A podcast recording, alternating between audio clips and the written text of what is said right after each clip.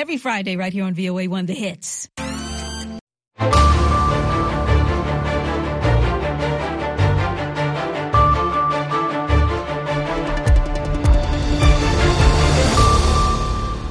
halkani waa washington laanta afka soomaaliga idaacadda v o a oo si toosa idinka imanaysa mawjadaha gaagaaban ee lix iyo tobanka iyo sagaal iyo tobanka mitirban iyo weliba boggeenna v o a somali com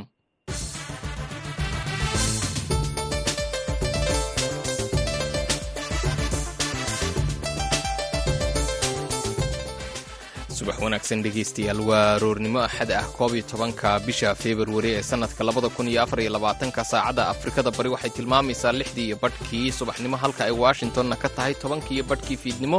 Idaacadda saaka iyo caalamkana waxaa halkan idinkala socodsiinaya anoo ismaaciil xuseen farjar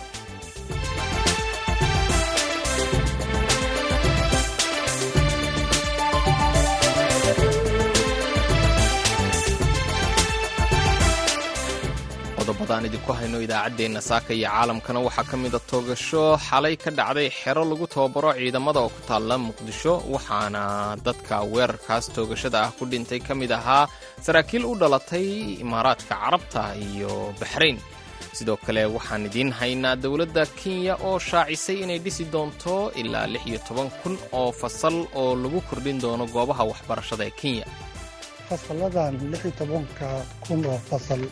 oo la dhisi rabo waxaa keenay cariirii ka imaaday dhanka goobaha waxbarashada iyo in fasalladii hore oo u dhisnaanayay ardayday qaadi waayeen maadaama manhajka cusubanna uu practical yahay qalabkii loo baahan yahay inuusan ku jirin. Sidoo kale waxaan idiin haynaa heerka ay gaadhsiisan tahay dhimashada ama umulraaca hooyooyinka soomaaliya. Idaacaddeenna waxaad kaloo ku maqli doontaan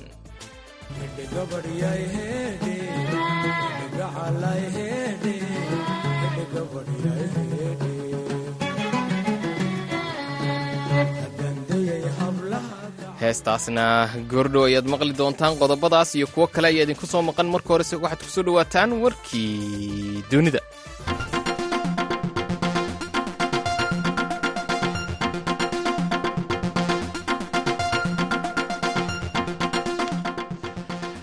weerar toogasho ah oo ka dhacay xerada tababarka genaraal gordon ee magaalada muqdisho ayay ku dhinteen saraakiil kala duwan oo ay ku jiraan afar sarkaal oo ka mid ahaa macallimiintii tababarka bixinaysay oo u kala dhashay imaaraadka carabta iyo baxrayn halkaas sidoo kale ay dhaawac soo gaadheen saraakiil kale. Dowladda soomaaliya ilaa hadda faahfaahin badan kama bixinin khasaaraha ka dhashay weerarkan waxaana isla goobtii lagu dilay weerarku ka dhacay askarigii ka dambeeyey toogashadaasi. Madaxweynaha soomaaliya xasan sheekh maxamuud ayaa si adag uga hadlay weerarkan isagoo ku amray laamaha ammaanku inay baadhis ku sameeyaan. Sidoo kalena dowladda imaaraadka carabta ayaa dhacdadan ka hadashay warkaas oo faahfaahsan qaybaha kale idaacaddeenna ayaad ku maqli doontaan magaalada boosaaso ayaa habeennimadii xalay lagu dilay nin ka mid ahaa ganacsatada yaryar ee wax ku iibiya suuqa weyn ee magaalada boosaaso kadib markii ay rasaas ku fureen dabley hubaysan oo aan haybtooda la aqoonsan. Qaar ka mid a saraakiisha ammaanka ee magaalada boosaaso oo gaadhay goobta dilku ka dhacay ayaa v o a u sheegay in ay dableydii hubaysnayd ee dilka geysatay ay goobtaas ka baxsadeen dhinaca kalena waxaa xalay bambooyin lagu tuuray guriga wasiirka amniga ee puntland ibraahim cartan xaaji bakiin saraakiisha amniga ayaa sheegay in aanay jirin cid wax ku noqotay bambooyinkan la tuuray iyagoo v o a u sheegay in ay ku daba jiraan ciddii weerarkan geysatay.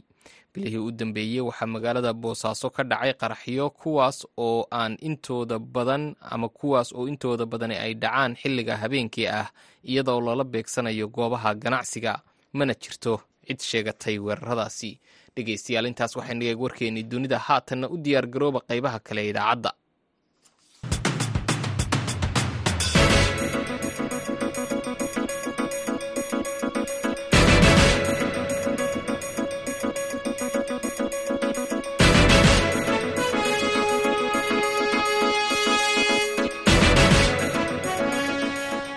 wanaagsan dhegeystayaal laanta afka soomaaliga ee v o a aad nagala socotaan. Waxaa xalay ka dhacay magaalada muqdisho gaar ahaan xerada ciidamada ee genaraal gordon weerar toogasho ah oo lagu dilay saraakiil sarsare oo tababarayaal ah oo u dhashay dalka imaaraadka carabta iyo baxrayn madaxweynaha dowladda soomaaliya xasan sheekh maxamuud oo dhacdadaasi ka hadlay ayaa ku amray saraakiisha ciidamadu inay sameeyaan baadhitaan deg deg ah isaga oo ballan qaaday in cid kasta oo falkaas ku lug yeelata si adag loola xisaabtami doono. Wariyaha v o a muqdisho cabdicasiis barrow ayaa warbixintan ka soo diray muqdisho. Weerarka ayaa ka dhacay xerada genaraal gordon ee magaalada muqdisho waxaana sida la sheegay fuliye askari ka tirsanaa ciidamada dowladda soomaaliya sida gaarka ah loo tababarayay oo ay leylinayeen saraakiisha imaaraadka carabta. Weerarka ayaa waxa uu dhacay xilli lagu jiray salaada maqhrib. Wararku waxay intaa ku darayaan inuu jiro khasaaro dhimasho iyo dhaawac ah oo dadka waxyeeladu gaartay ay ka mid yihiin. Tababarayaal u dhashay dalka isutagga imaaraadka carabta. Dowladda soomaaliya ma sheegin tirada rasmiga ah ee dhimashada iyo dhaawaca ee ka dhasha weerarkii xalay ka dhacay magaalada muqdisho. Sidoo kalena lama xaqiijin tirada saraakiisha imaaraadka ah ee ku dhimatay weerarkaasi iyo kuwa dhaawacu uu soo gaaray. Madaxweynaha dowladda federaalka ee soomaaliya xasan sheekh maxamuud oo war qoraala soo saaray ayaa ugu horeyn waxa uu uga tacsiyeeyay dowladda imaaraadka geerida saraakiil ku dhimatay dhacdadaasi balse aan tiradooda ilaa iyo hadda la caddayn madaxweynaha ayaa xalay markii uu falku dhacay kadib waxa uu dhaawacyada ku booqday isbitalka ordogan ee magaalada muqdisho. War qoraal ah uu bartiisa facebooka uu soo dhigay ayaa booqashada kadib waxa uu ku yidhi waxaan si adag u cambaaraynaynaa falka foosha xun ee galaaftay nolosha saraakiisha wakhtigooda iyo naftooda u huray xureynta dalkeenna iyo dib u dhiska ciidamadeenna aniga oo faraya laamaha amniga inay baaritaan deg deg ah sameeyaan. Waxaan ballan qaadaynaa in tallaabo adag laga qaadi doono. Cid kasta oo soo abaabushay falkaasi guracan. Ayaa waxaa lagu yidhi qoraalka uu madaxweynuhu soo saaray. Weerarkii xalay ka dhacay magaalada muqdisho ee lagu dilay saraakiisha u dhalatay dalka imaaraadka carabta ayaa waxa uu ku soo aadayaa xilli labada dal uu ka dhexeeyo heshiis dhanka ciidamada ah oo la xiriira la dagaalanka argagixisada cabdilcasiis barrow v o a muqdisho. Dhinaca kalena dowladda isutaga imaaraadka carabta ayaa war ka soo saartay weerarka ka dhacay magaalada muqdisho. War-saxaafadeed ka soo baxay wasaaradda difaaca ee imaaraadka carabta ayaa lagu sheegay in ay weerarkaas ku dhinteen saddex sarkaal oo ka tirsan ciidamada dalkooda iyo weliba sarkaal sare oo ka tirsan ciidamada dalka baxrayn war-saxaafadeedka ka soo baxay dowladda isutaga imaaraadka carabta ayaa lagu sheegay in sidoo kale uu dhaawac soo gaadhay laba sarkaal oo kale. Dowladda imaaraadka carabta ayaa sheegtay in saraakiishani ay ku howlanaayeen tababarka ciidamada soomaaliya taas oo qayb ka ah heshiis labageesood ah oo dhinaca ciidamada ah oo u dhexeeya labada dal ee soomaaliya iyo imaaraadka carabta dowladda imaaraadka carabta ayaa tacsi u dirtay ehelada saraakiisha ku dhintay weerarkan iyaga oo caafimaad sareeca u rajeeyey inta ku dhaawacantay. Wasaaradda difaaca ee imaaraadka carabta ayaa intaas ku dartay in ay si dhow ugala shaqaynayso dowladda soomaaliya baadhitaanka la xidhiidha weerarkan argagixiso dhinaca kalena ururka al-shabaab ayaa sheegtay mas'uuliyadda weerarkan ka dhacay xerada genaraal gordon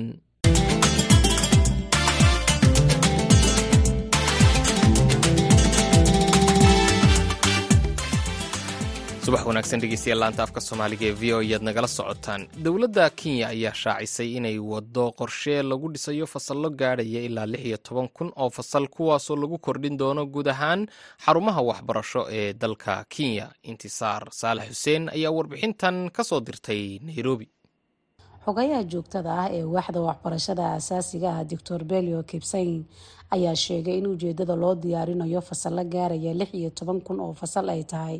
Sidii loogu diyaargaroobi lahaa ardayda sanadka dambe u gudbi doonto fasalka sagaalaad?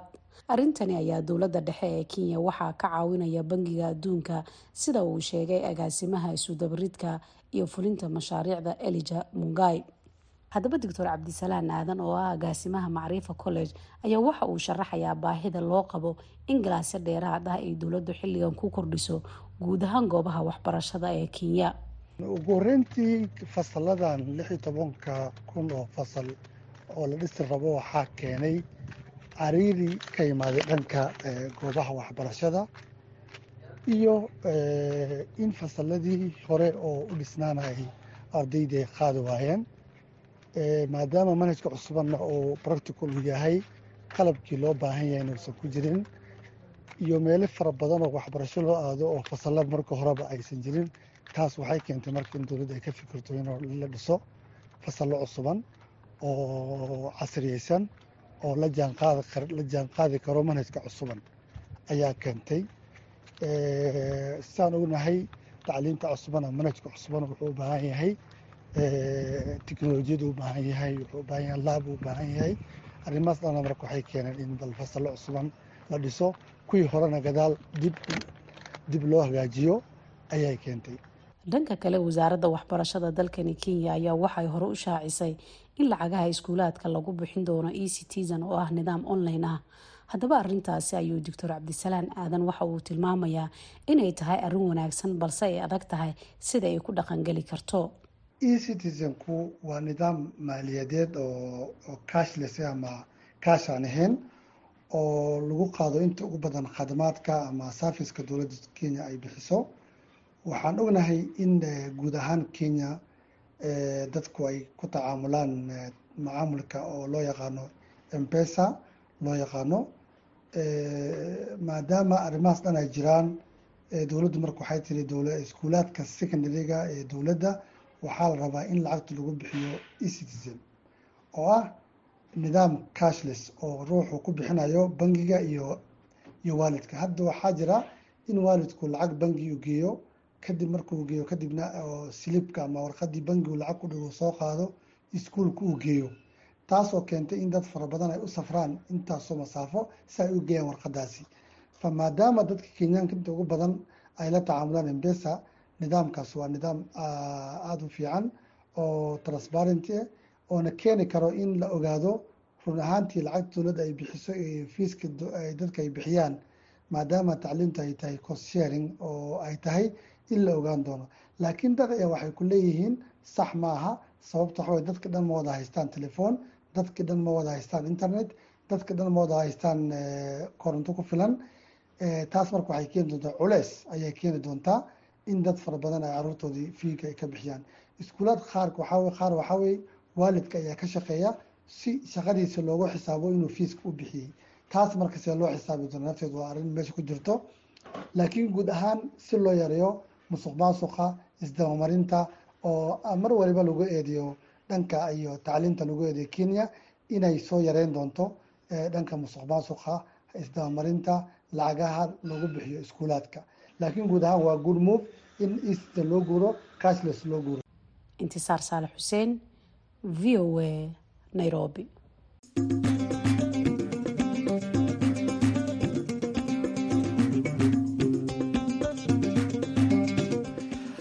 Subax wanaagsan dhegeystayaal laanta afka soomaaliga ee v o ayaad nagala socotaan sida ay sheegtay qaramada midoobay soomaaliya ayaa lagu tilmaamaa inay ka mid tahay dalalka ugu badan umulraaca hooyooyinka. Arrintan ayaa u muuqataa mid u baahan qorshe caafimaad oo ballaadhan oo ka hirgala guud ahaan waddanka. Warbixintan waxaa inoo haya wariyaha v o a nuur xasan nuur bukhaari. Umulraaca ayaa lagu tilmaamaa mid ka mid ah halista caafimaad ee ugu khasaaraha badan ee soomaaliya muddo tobnaan sano ah khubarrada caafimaadka soomaaliya ayaa sheegay in in kasta oo dhowrkii sano ee la soo dhaafay horumar yar laga sameeyey haddana tirada sannadkii hore ay weli tahay mid naxdinteeda leh. Doktor luul maxamuud maxamed oo ah guddoomiyaha ururka dhakhaatiirta soomaaliyeed ahna hormuudka kuliyadda caafimaadka ee jaamacadda jaziira ee magaalada muqdisho ayaa v o e da u sheegtay in heerka dhimashada umulraaca hooyooyinka soomaaliya ee hadda uu yahay mid weli sarreeya. Marka soomaaliya aan ka hadlayno xaaladda guud hooyooyinka uurka leh ama hooyada umulraaca ku dhintaan umusha markay yihiin iyo intii oo umusha ku jiraan ama intay markay dhalayaan dhintaan waa lix boqol iyo labaatan iyo kow boqolkii kun oo dhalasho. Boqol kun oo hooyo hadday dhalasho lix boqol iyo labaatan iyo kow waa dhimata taasoo ah aad u sarreyso sida caadiga ah. Waxaa laga rabay inay ka hooseyso toddobaatan. Annagana lix boqol iyo waxaan maraynaa labaatan iyo kow taas waxay ku tusee inaan wax badan aanan qabanin oo wax badanna laga rabo welina khatar weyn aan ku jirno. Dhanka dhallaanka haddaan u soo noqonno ilmaha markay dhashaan labaatan iyo sideedda maalmood oo ugu horeyso iyo intay markay dhalayso hooyada dhimashadeeda ayadana waxay gaaraysaa lixdan iyo afar kunkii cunug oo dhashaba taasoo ayadana aad u sarreyso oo la rabay inay ka yaraato labiyo toban. Marka taasna waxay ku tusaa inaan wax badan laga qabanin oo ilmaha marmar waxaaba la dhahaa hooyada waxaa laga yaabaa inay umusha ku naafowdo ama ay ka fakato laakiin ilmuhu mar walba ayagaa hor dhimanayo intay hooyada dhimanin ilmaha dhintaan. Marka arrintaasna waa arrin oo khatarteeda leh. Ilmaha shanta sano ka yar oo soomaaliya oo dhintaan ayagana waxay yihiin boqol iyo labayo toban kunkii cunug oo dhashayba haddaba maxay tahay sababta ay soomaaliya safka hore uga jirto? Meelaha ugu halista badan ee ay hooyo ku umusho. Waatan mar kale doctor luul maxamuud maxamed. Soomaaliya waa ognahay waa wadan soo koraayo gaar ahaana ay ragaadiyeen colaado iyo dhibaatooyin badan oo xagga maxay ahaata dhaqaalaha ah. Saa darteed waa sababaha loo aanay karo in ay hooyo markay umuleyso ama intay uurka leedahay inay dhibaatooyin badan soo gaaraan.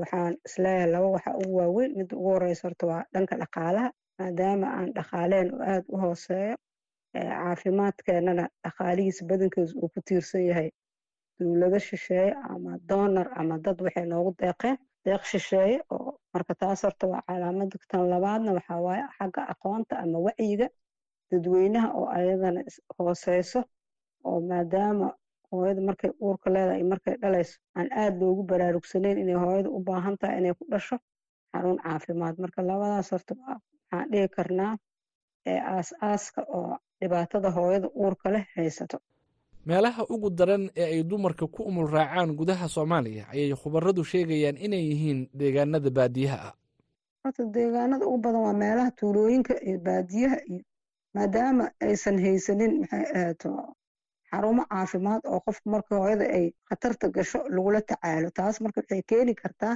inay ay badiso maxayta dhimashadii. Marka meelaha tuulooyinka ah barakacayaasha dadadka ugu badan oo waxaa meelaha khatarta ah iyo baadiyo kaleto hadday hooyo baadiyo ku foolato kadhig oo ay dhali weyso ay u baahato in qalliin loo sameeyo in la soo qaado oo la keeno meesha waxay qaadanaya maalmo taas marka waxay keenaya dhimashada inay aada u badato haddiiba la soo qaado haddii kalena inaa meeshaba laga soo qaado inay isaga dhintaan iyo midda kalena aqoonta aqoontana muhiim waaye waxaa laga yaaba iyadoo xataa wixii la heli karo inay dadka qaar aaminsaneenba in oo maxaata oo isbitaal lagu dhalo ay ka jecel yihiin inay gurigooda ku dhalaan taasna ay keento daah badan haddaba sidee arrintan loo yarayn karaa?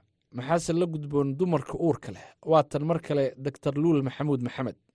Marka hore talada ugu muhiimsan oo aan bixin lahayn oo waxaan dhihi lahayn waa in aan helno aqoon hooyooyinka wacyigelin dadweynaha guud ahaan gaar ahaan hooyada iyo waalidiinta soomaaliyeed in la siiyo si ay u yaraato ayna raacaan talada ay siinayaan howlwadeenada caafimaadka taas oo lagu yarayn karo dhimashada.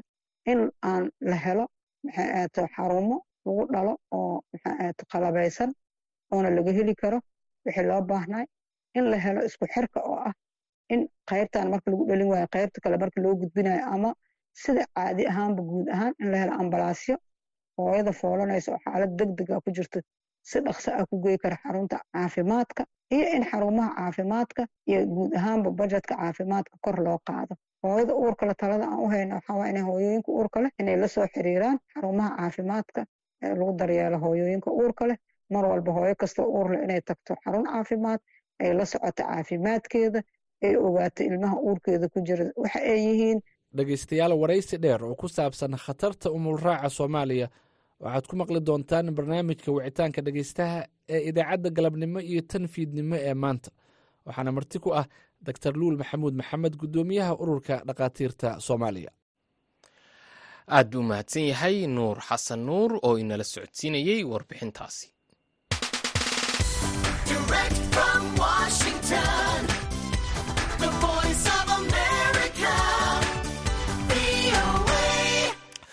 subax wanaagsan dhegeystayaal laanta afka soomaaliga ee v o ayaad nagala socotaan. Haddii wararkaas iyo warbixinadaasiba ay ku seegaan waxaad ka daalacan kartaa bogga laanta afka soomaaliga ee v o a somali com. Waxaa ka bilaabmay cusbitaalka guud ee kaaramardha ee caasimadda magaalada jigjiga ee dowlad deegaanka soomaalida ololaha qalliinka iyo daaweynta indhaha oo bilaash ah kaas oo loogu talagalay in ay ka faa'iidaystaan dadka danyarta ah waxaana ilaa hadda baadhitaan lagu sameeyey dad gaadhaya ilaa shan kun oo qof. Ololahan ayaa la filayaa in indhaha loogu jeexo ama qalliin indhaha ah loo sameeyo ilaa shan boqol oo bukaan ah. Sida uu warbixintan ku sheegayo wariyaha v o a maxamed cabdiraxmaan ugaas gaata waxaa isbitaalka guud ee magaalada jigjiga ee kaaramardha hosbitaal ka bilaabmay islamarkaana si habsame uga socda ololaha qalliinka iyo daaweynta indhaha kaas oo bilaash ah islamarkaana ay fulinayaan dhakhaatiir ajaanib ah oo ka socday waddanka bakistan kana socda hay'ad lagu magacaabo albasra international foundation waxaana adeegan ilaa hadda loo diiwaangeliyey inay ka faa'iidaystaan dad dhan shan kun oo qof kuwaas oo baaritaano lagu sameeyey si loo ogaado cidda u baahan qalliin ama daaweyn iyadoo qorshuhu yahay in qalliinka indhaha loo sameeyo dad ka badan ilaa iyo shan boqol oo qof iyadoo ololahani qalliinka iyo daaweynta indhaha uu galay maalintii labaad. Ayaa waxaa jirta in dad badan ay ka faa'iidaysteen dhanka baadhidda daaweynta iyo qalliinkaba hooye xadiya warsame waxay ka mid tahay dadka dhibaatada ka haysatay dhanka aragga in muddo ah waxayna ka mid ahayd dadka ka faa'iidaystay adeegan qalliinka iyo daaweynta indhaha waxayna u sheegtay idaacadda v o a maraan kula kulannay isbitaalka kaaramarre ee magaalada jigjiga in ay fursad dhaqaale u weyday in ay qalliin hesho hadda ka hor duruufo dhaqaale darteed balse hadda markii ay maqashay ololahan qalliinka iyo daaweynta indhaha ee bilaashka ah ay timid. Goobtan waxayna ka warramaysaa xaaladeeda. Waxba ma arkay? Hadduu alla kuu roon yahay sidaasay ii qudhay. Waa kaa iyo nabadaahoyo macaane. Maanta waan fiicanahay waan fiicanahay. Nimco ilaahay. Maya haye. Waxba laygama qaadi haa waan waaye lacaganku meel ku tego inamadaydiina way iga dhintay reer cidlaan joogay kay agoon baan iska ahaa. Waan iska leeleelaya un hooyo macaane. Iyaan imiday haye. Waa kaa waan fiicanahay aad baan u fiicanahay waa kaa iyo nabad. Dr fakhrudiin dhakan waa madaxa howlgalka dhakhaatiirta fulinaysa adeegani qalliinka iyo daaweynta indhaha ee hay'adda albasra waxauna la hadlay idaacadda v o a. For free eye services that we are rendering to the population of this uh, Jigjiga and Somali region. In general, our target is to see as many as 5,000 patients, and out of them, 400 to 500 patients will be given surgical services. And all these services are rendered uh, free of cost. waxaan halkan u joognaa sidii aan adeeg bilaash ah u siin lahayn bulshada magaalada jigjiga ee deegaanka soomaalida qorshahanaga guud waa inaan adeeg siino ilaa dad ku dhow shan kun oo bukaano ah. Waxaana adeega qalliinka siin doonnaa ilaa dad dhan shan boqol. Dhammaan adeegyadan waa bilaash. Mana jirto wax lacag ah oo laga qaadayo bukaanada ayuu yidhi. Sidoo kale dor fakhrudiin ayaa sheegay in ololahani ay maalgelisay. Hay'ad laga leeyahay waddanka kuweyt isagoo dhanka kala sheegay in maamulka isbitaalka ay kala kulmeen soo dhoweyn fiican islamarkaana ay si fiican ula shaqaynayaan. Dor cumar jaamac waa maareeyaha guud ee isbitaalka kaaramardha ee magaalada jigjiga waxauna ka warbixinayaa siday u socoto hawsha iyo qorshaha waxa uu yahay. Qorshu wuxuu ahaa inay shan kun oo qof ay baadhaan indhaha shan boqol oo qofna ay qalaan. Marka ilaa hadda ilaa hadda maanta qorshoodu wuxuu yahay ilaa toddobaatan qof sideetan qof inay maanta ay qalaan. Wuuna soconaya maalmaha soo socda haddii ilaah yidhaahdo dad badanna way daaweyn ilaa hadda ilaa haddana wuu socdaa daaweyntiina dhinac bay ka socotaa qaliintaankiina dhinac buu ka socdaa baaritaankii kale indhuhuna dhinac buu ka socdaa waana jansi aad u fiican oo aan hadda ka hor jiri jirin deegaanka. Geesta kale doctor cumar ayaa sheegay in qorshahanka faa'iidaysigiisa ay ahmiyad gaara u leedahay dadka danyarta ah ee aan iyagu markaasi awoodin in ay dhaqaalo ku bixiyaan adeega qalliinka indhaha. Waa su'aalad fiican walaal. Waxaa boqolkiiba sagaashan iyo shan dadkan ka faa'iidaysanaya oo lolahani waababa dadka masaakiinta weyn. Kolkiisa hore wax loogu talagalay dadka masaakiinta oo aan tegi karayn mataqaanaa cusbitaallo dalka gudihiisa ka baxsan ama kuwa adhisaboo kale oon iyagu markooda qarashaad iyo waxa aan haysan bay ahayd. Marka waaba qorshii ugu fiicna baan leehay oo dadkii ugu wanaagsanaa oo dadkii ugu mataqaanaa masaakiinta ahaa ee loogu talagalay boqolkiiba sagaashan shan dadka ka faa'iidaysanaya waa dadka wey weyna yimaadeen haddana way ka faa'iidaysanayaan intii taagtayada ka ahaan waanu garab taagannahay xitaa hay'adda laftigeeda oo wixii ay mataqaanaa xaggayga looga baahan diyaar baan lanahay bulshadana in badan baanu la wadaagnay in ay ka faa'idaystaan yimaadaan. Haddaba ololahan isku dhafka ah ee adeega qalliinka iyo daaweynta indhaha ee ka socday isbitaalka guud ee kaaramardha ayaa waxa uu socon socon doonaa muddo toddobaad ah iyadoo muddadaas uu socdana ay ka faa'iidaysan doonaan dad badan oo aan hadda ku hor fursad dhaqaale u helin adeega qaliinka iyo daaweynta indhaha islamarkaana la ildaraa xanuunada ku dhaca dhanka indhaha. Maxamed cabdiraxmaan gaata v o a magaalada jigjiga. Aad buu mahadsan yahay wariyaha v o a jigjiga. Maxamed cabdiraxmaan ugaas gaata warbixintaasi nala socodsiinaya haatanna dhinacii heesaha ayaan jilaacina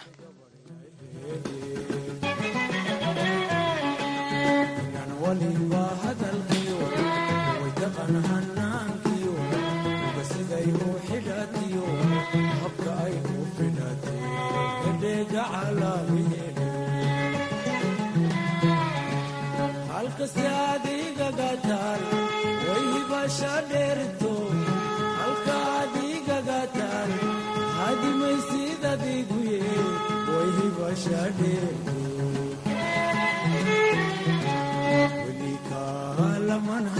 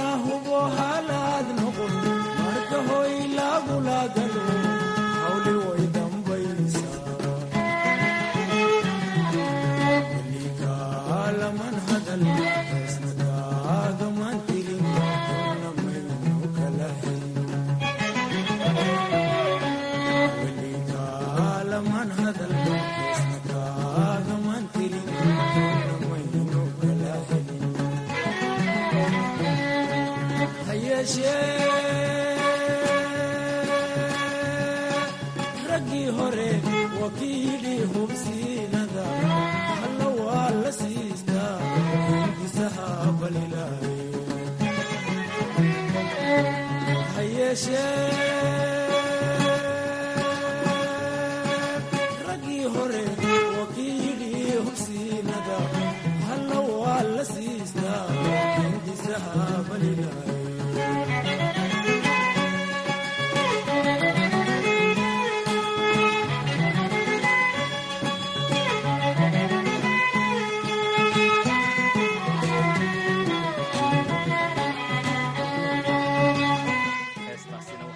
gabagabo u tahay idaacaddeenii subaxnimo oo idinla socodsiinayaan oo ismaaciil xuseen farjar dhinaca farsamaduna waa nuur xasan nuur tan iyo intayn idaacadda xigta ku kulmayno. Waxaan kaga tegayaa sidaas iyo ismaqal dambe oo xiise leh.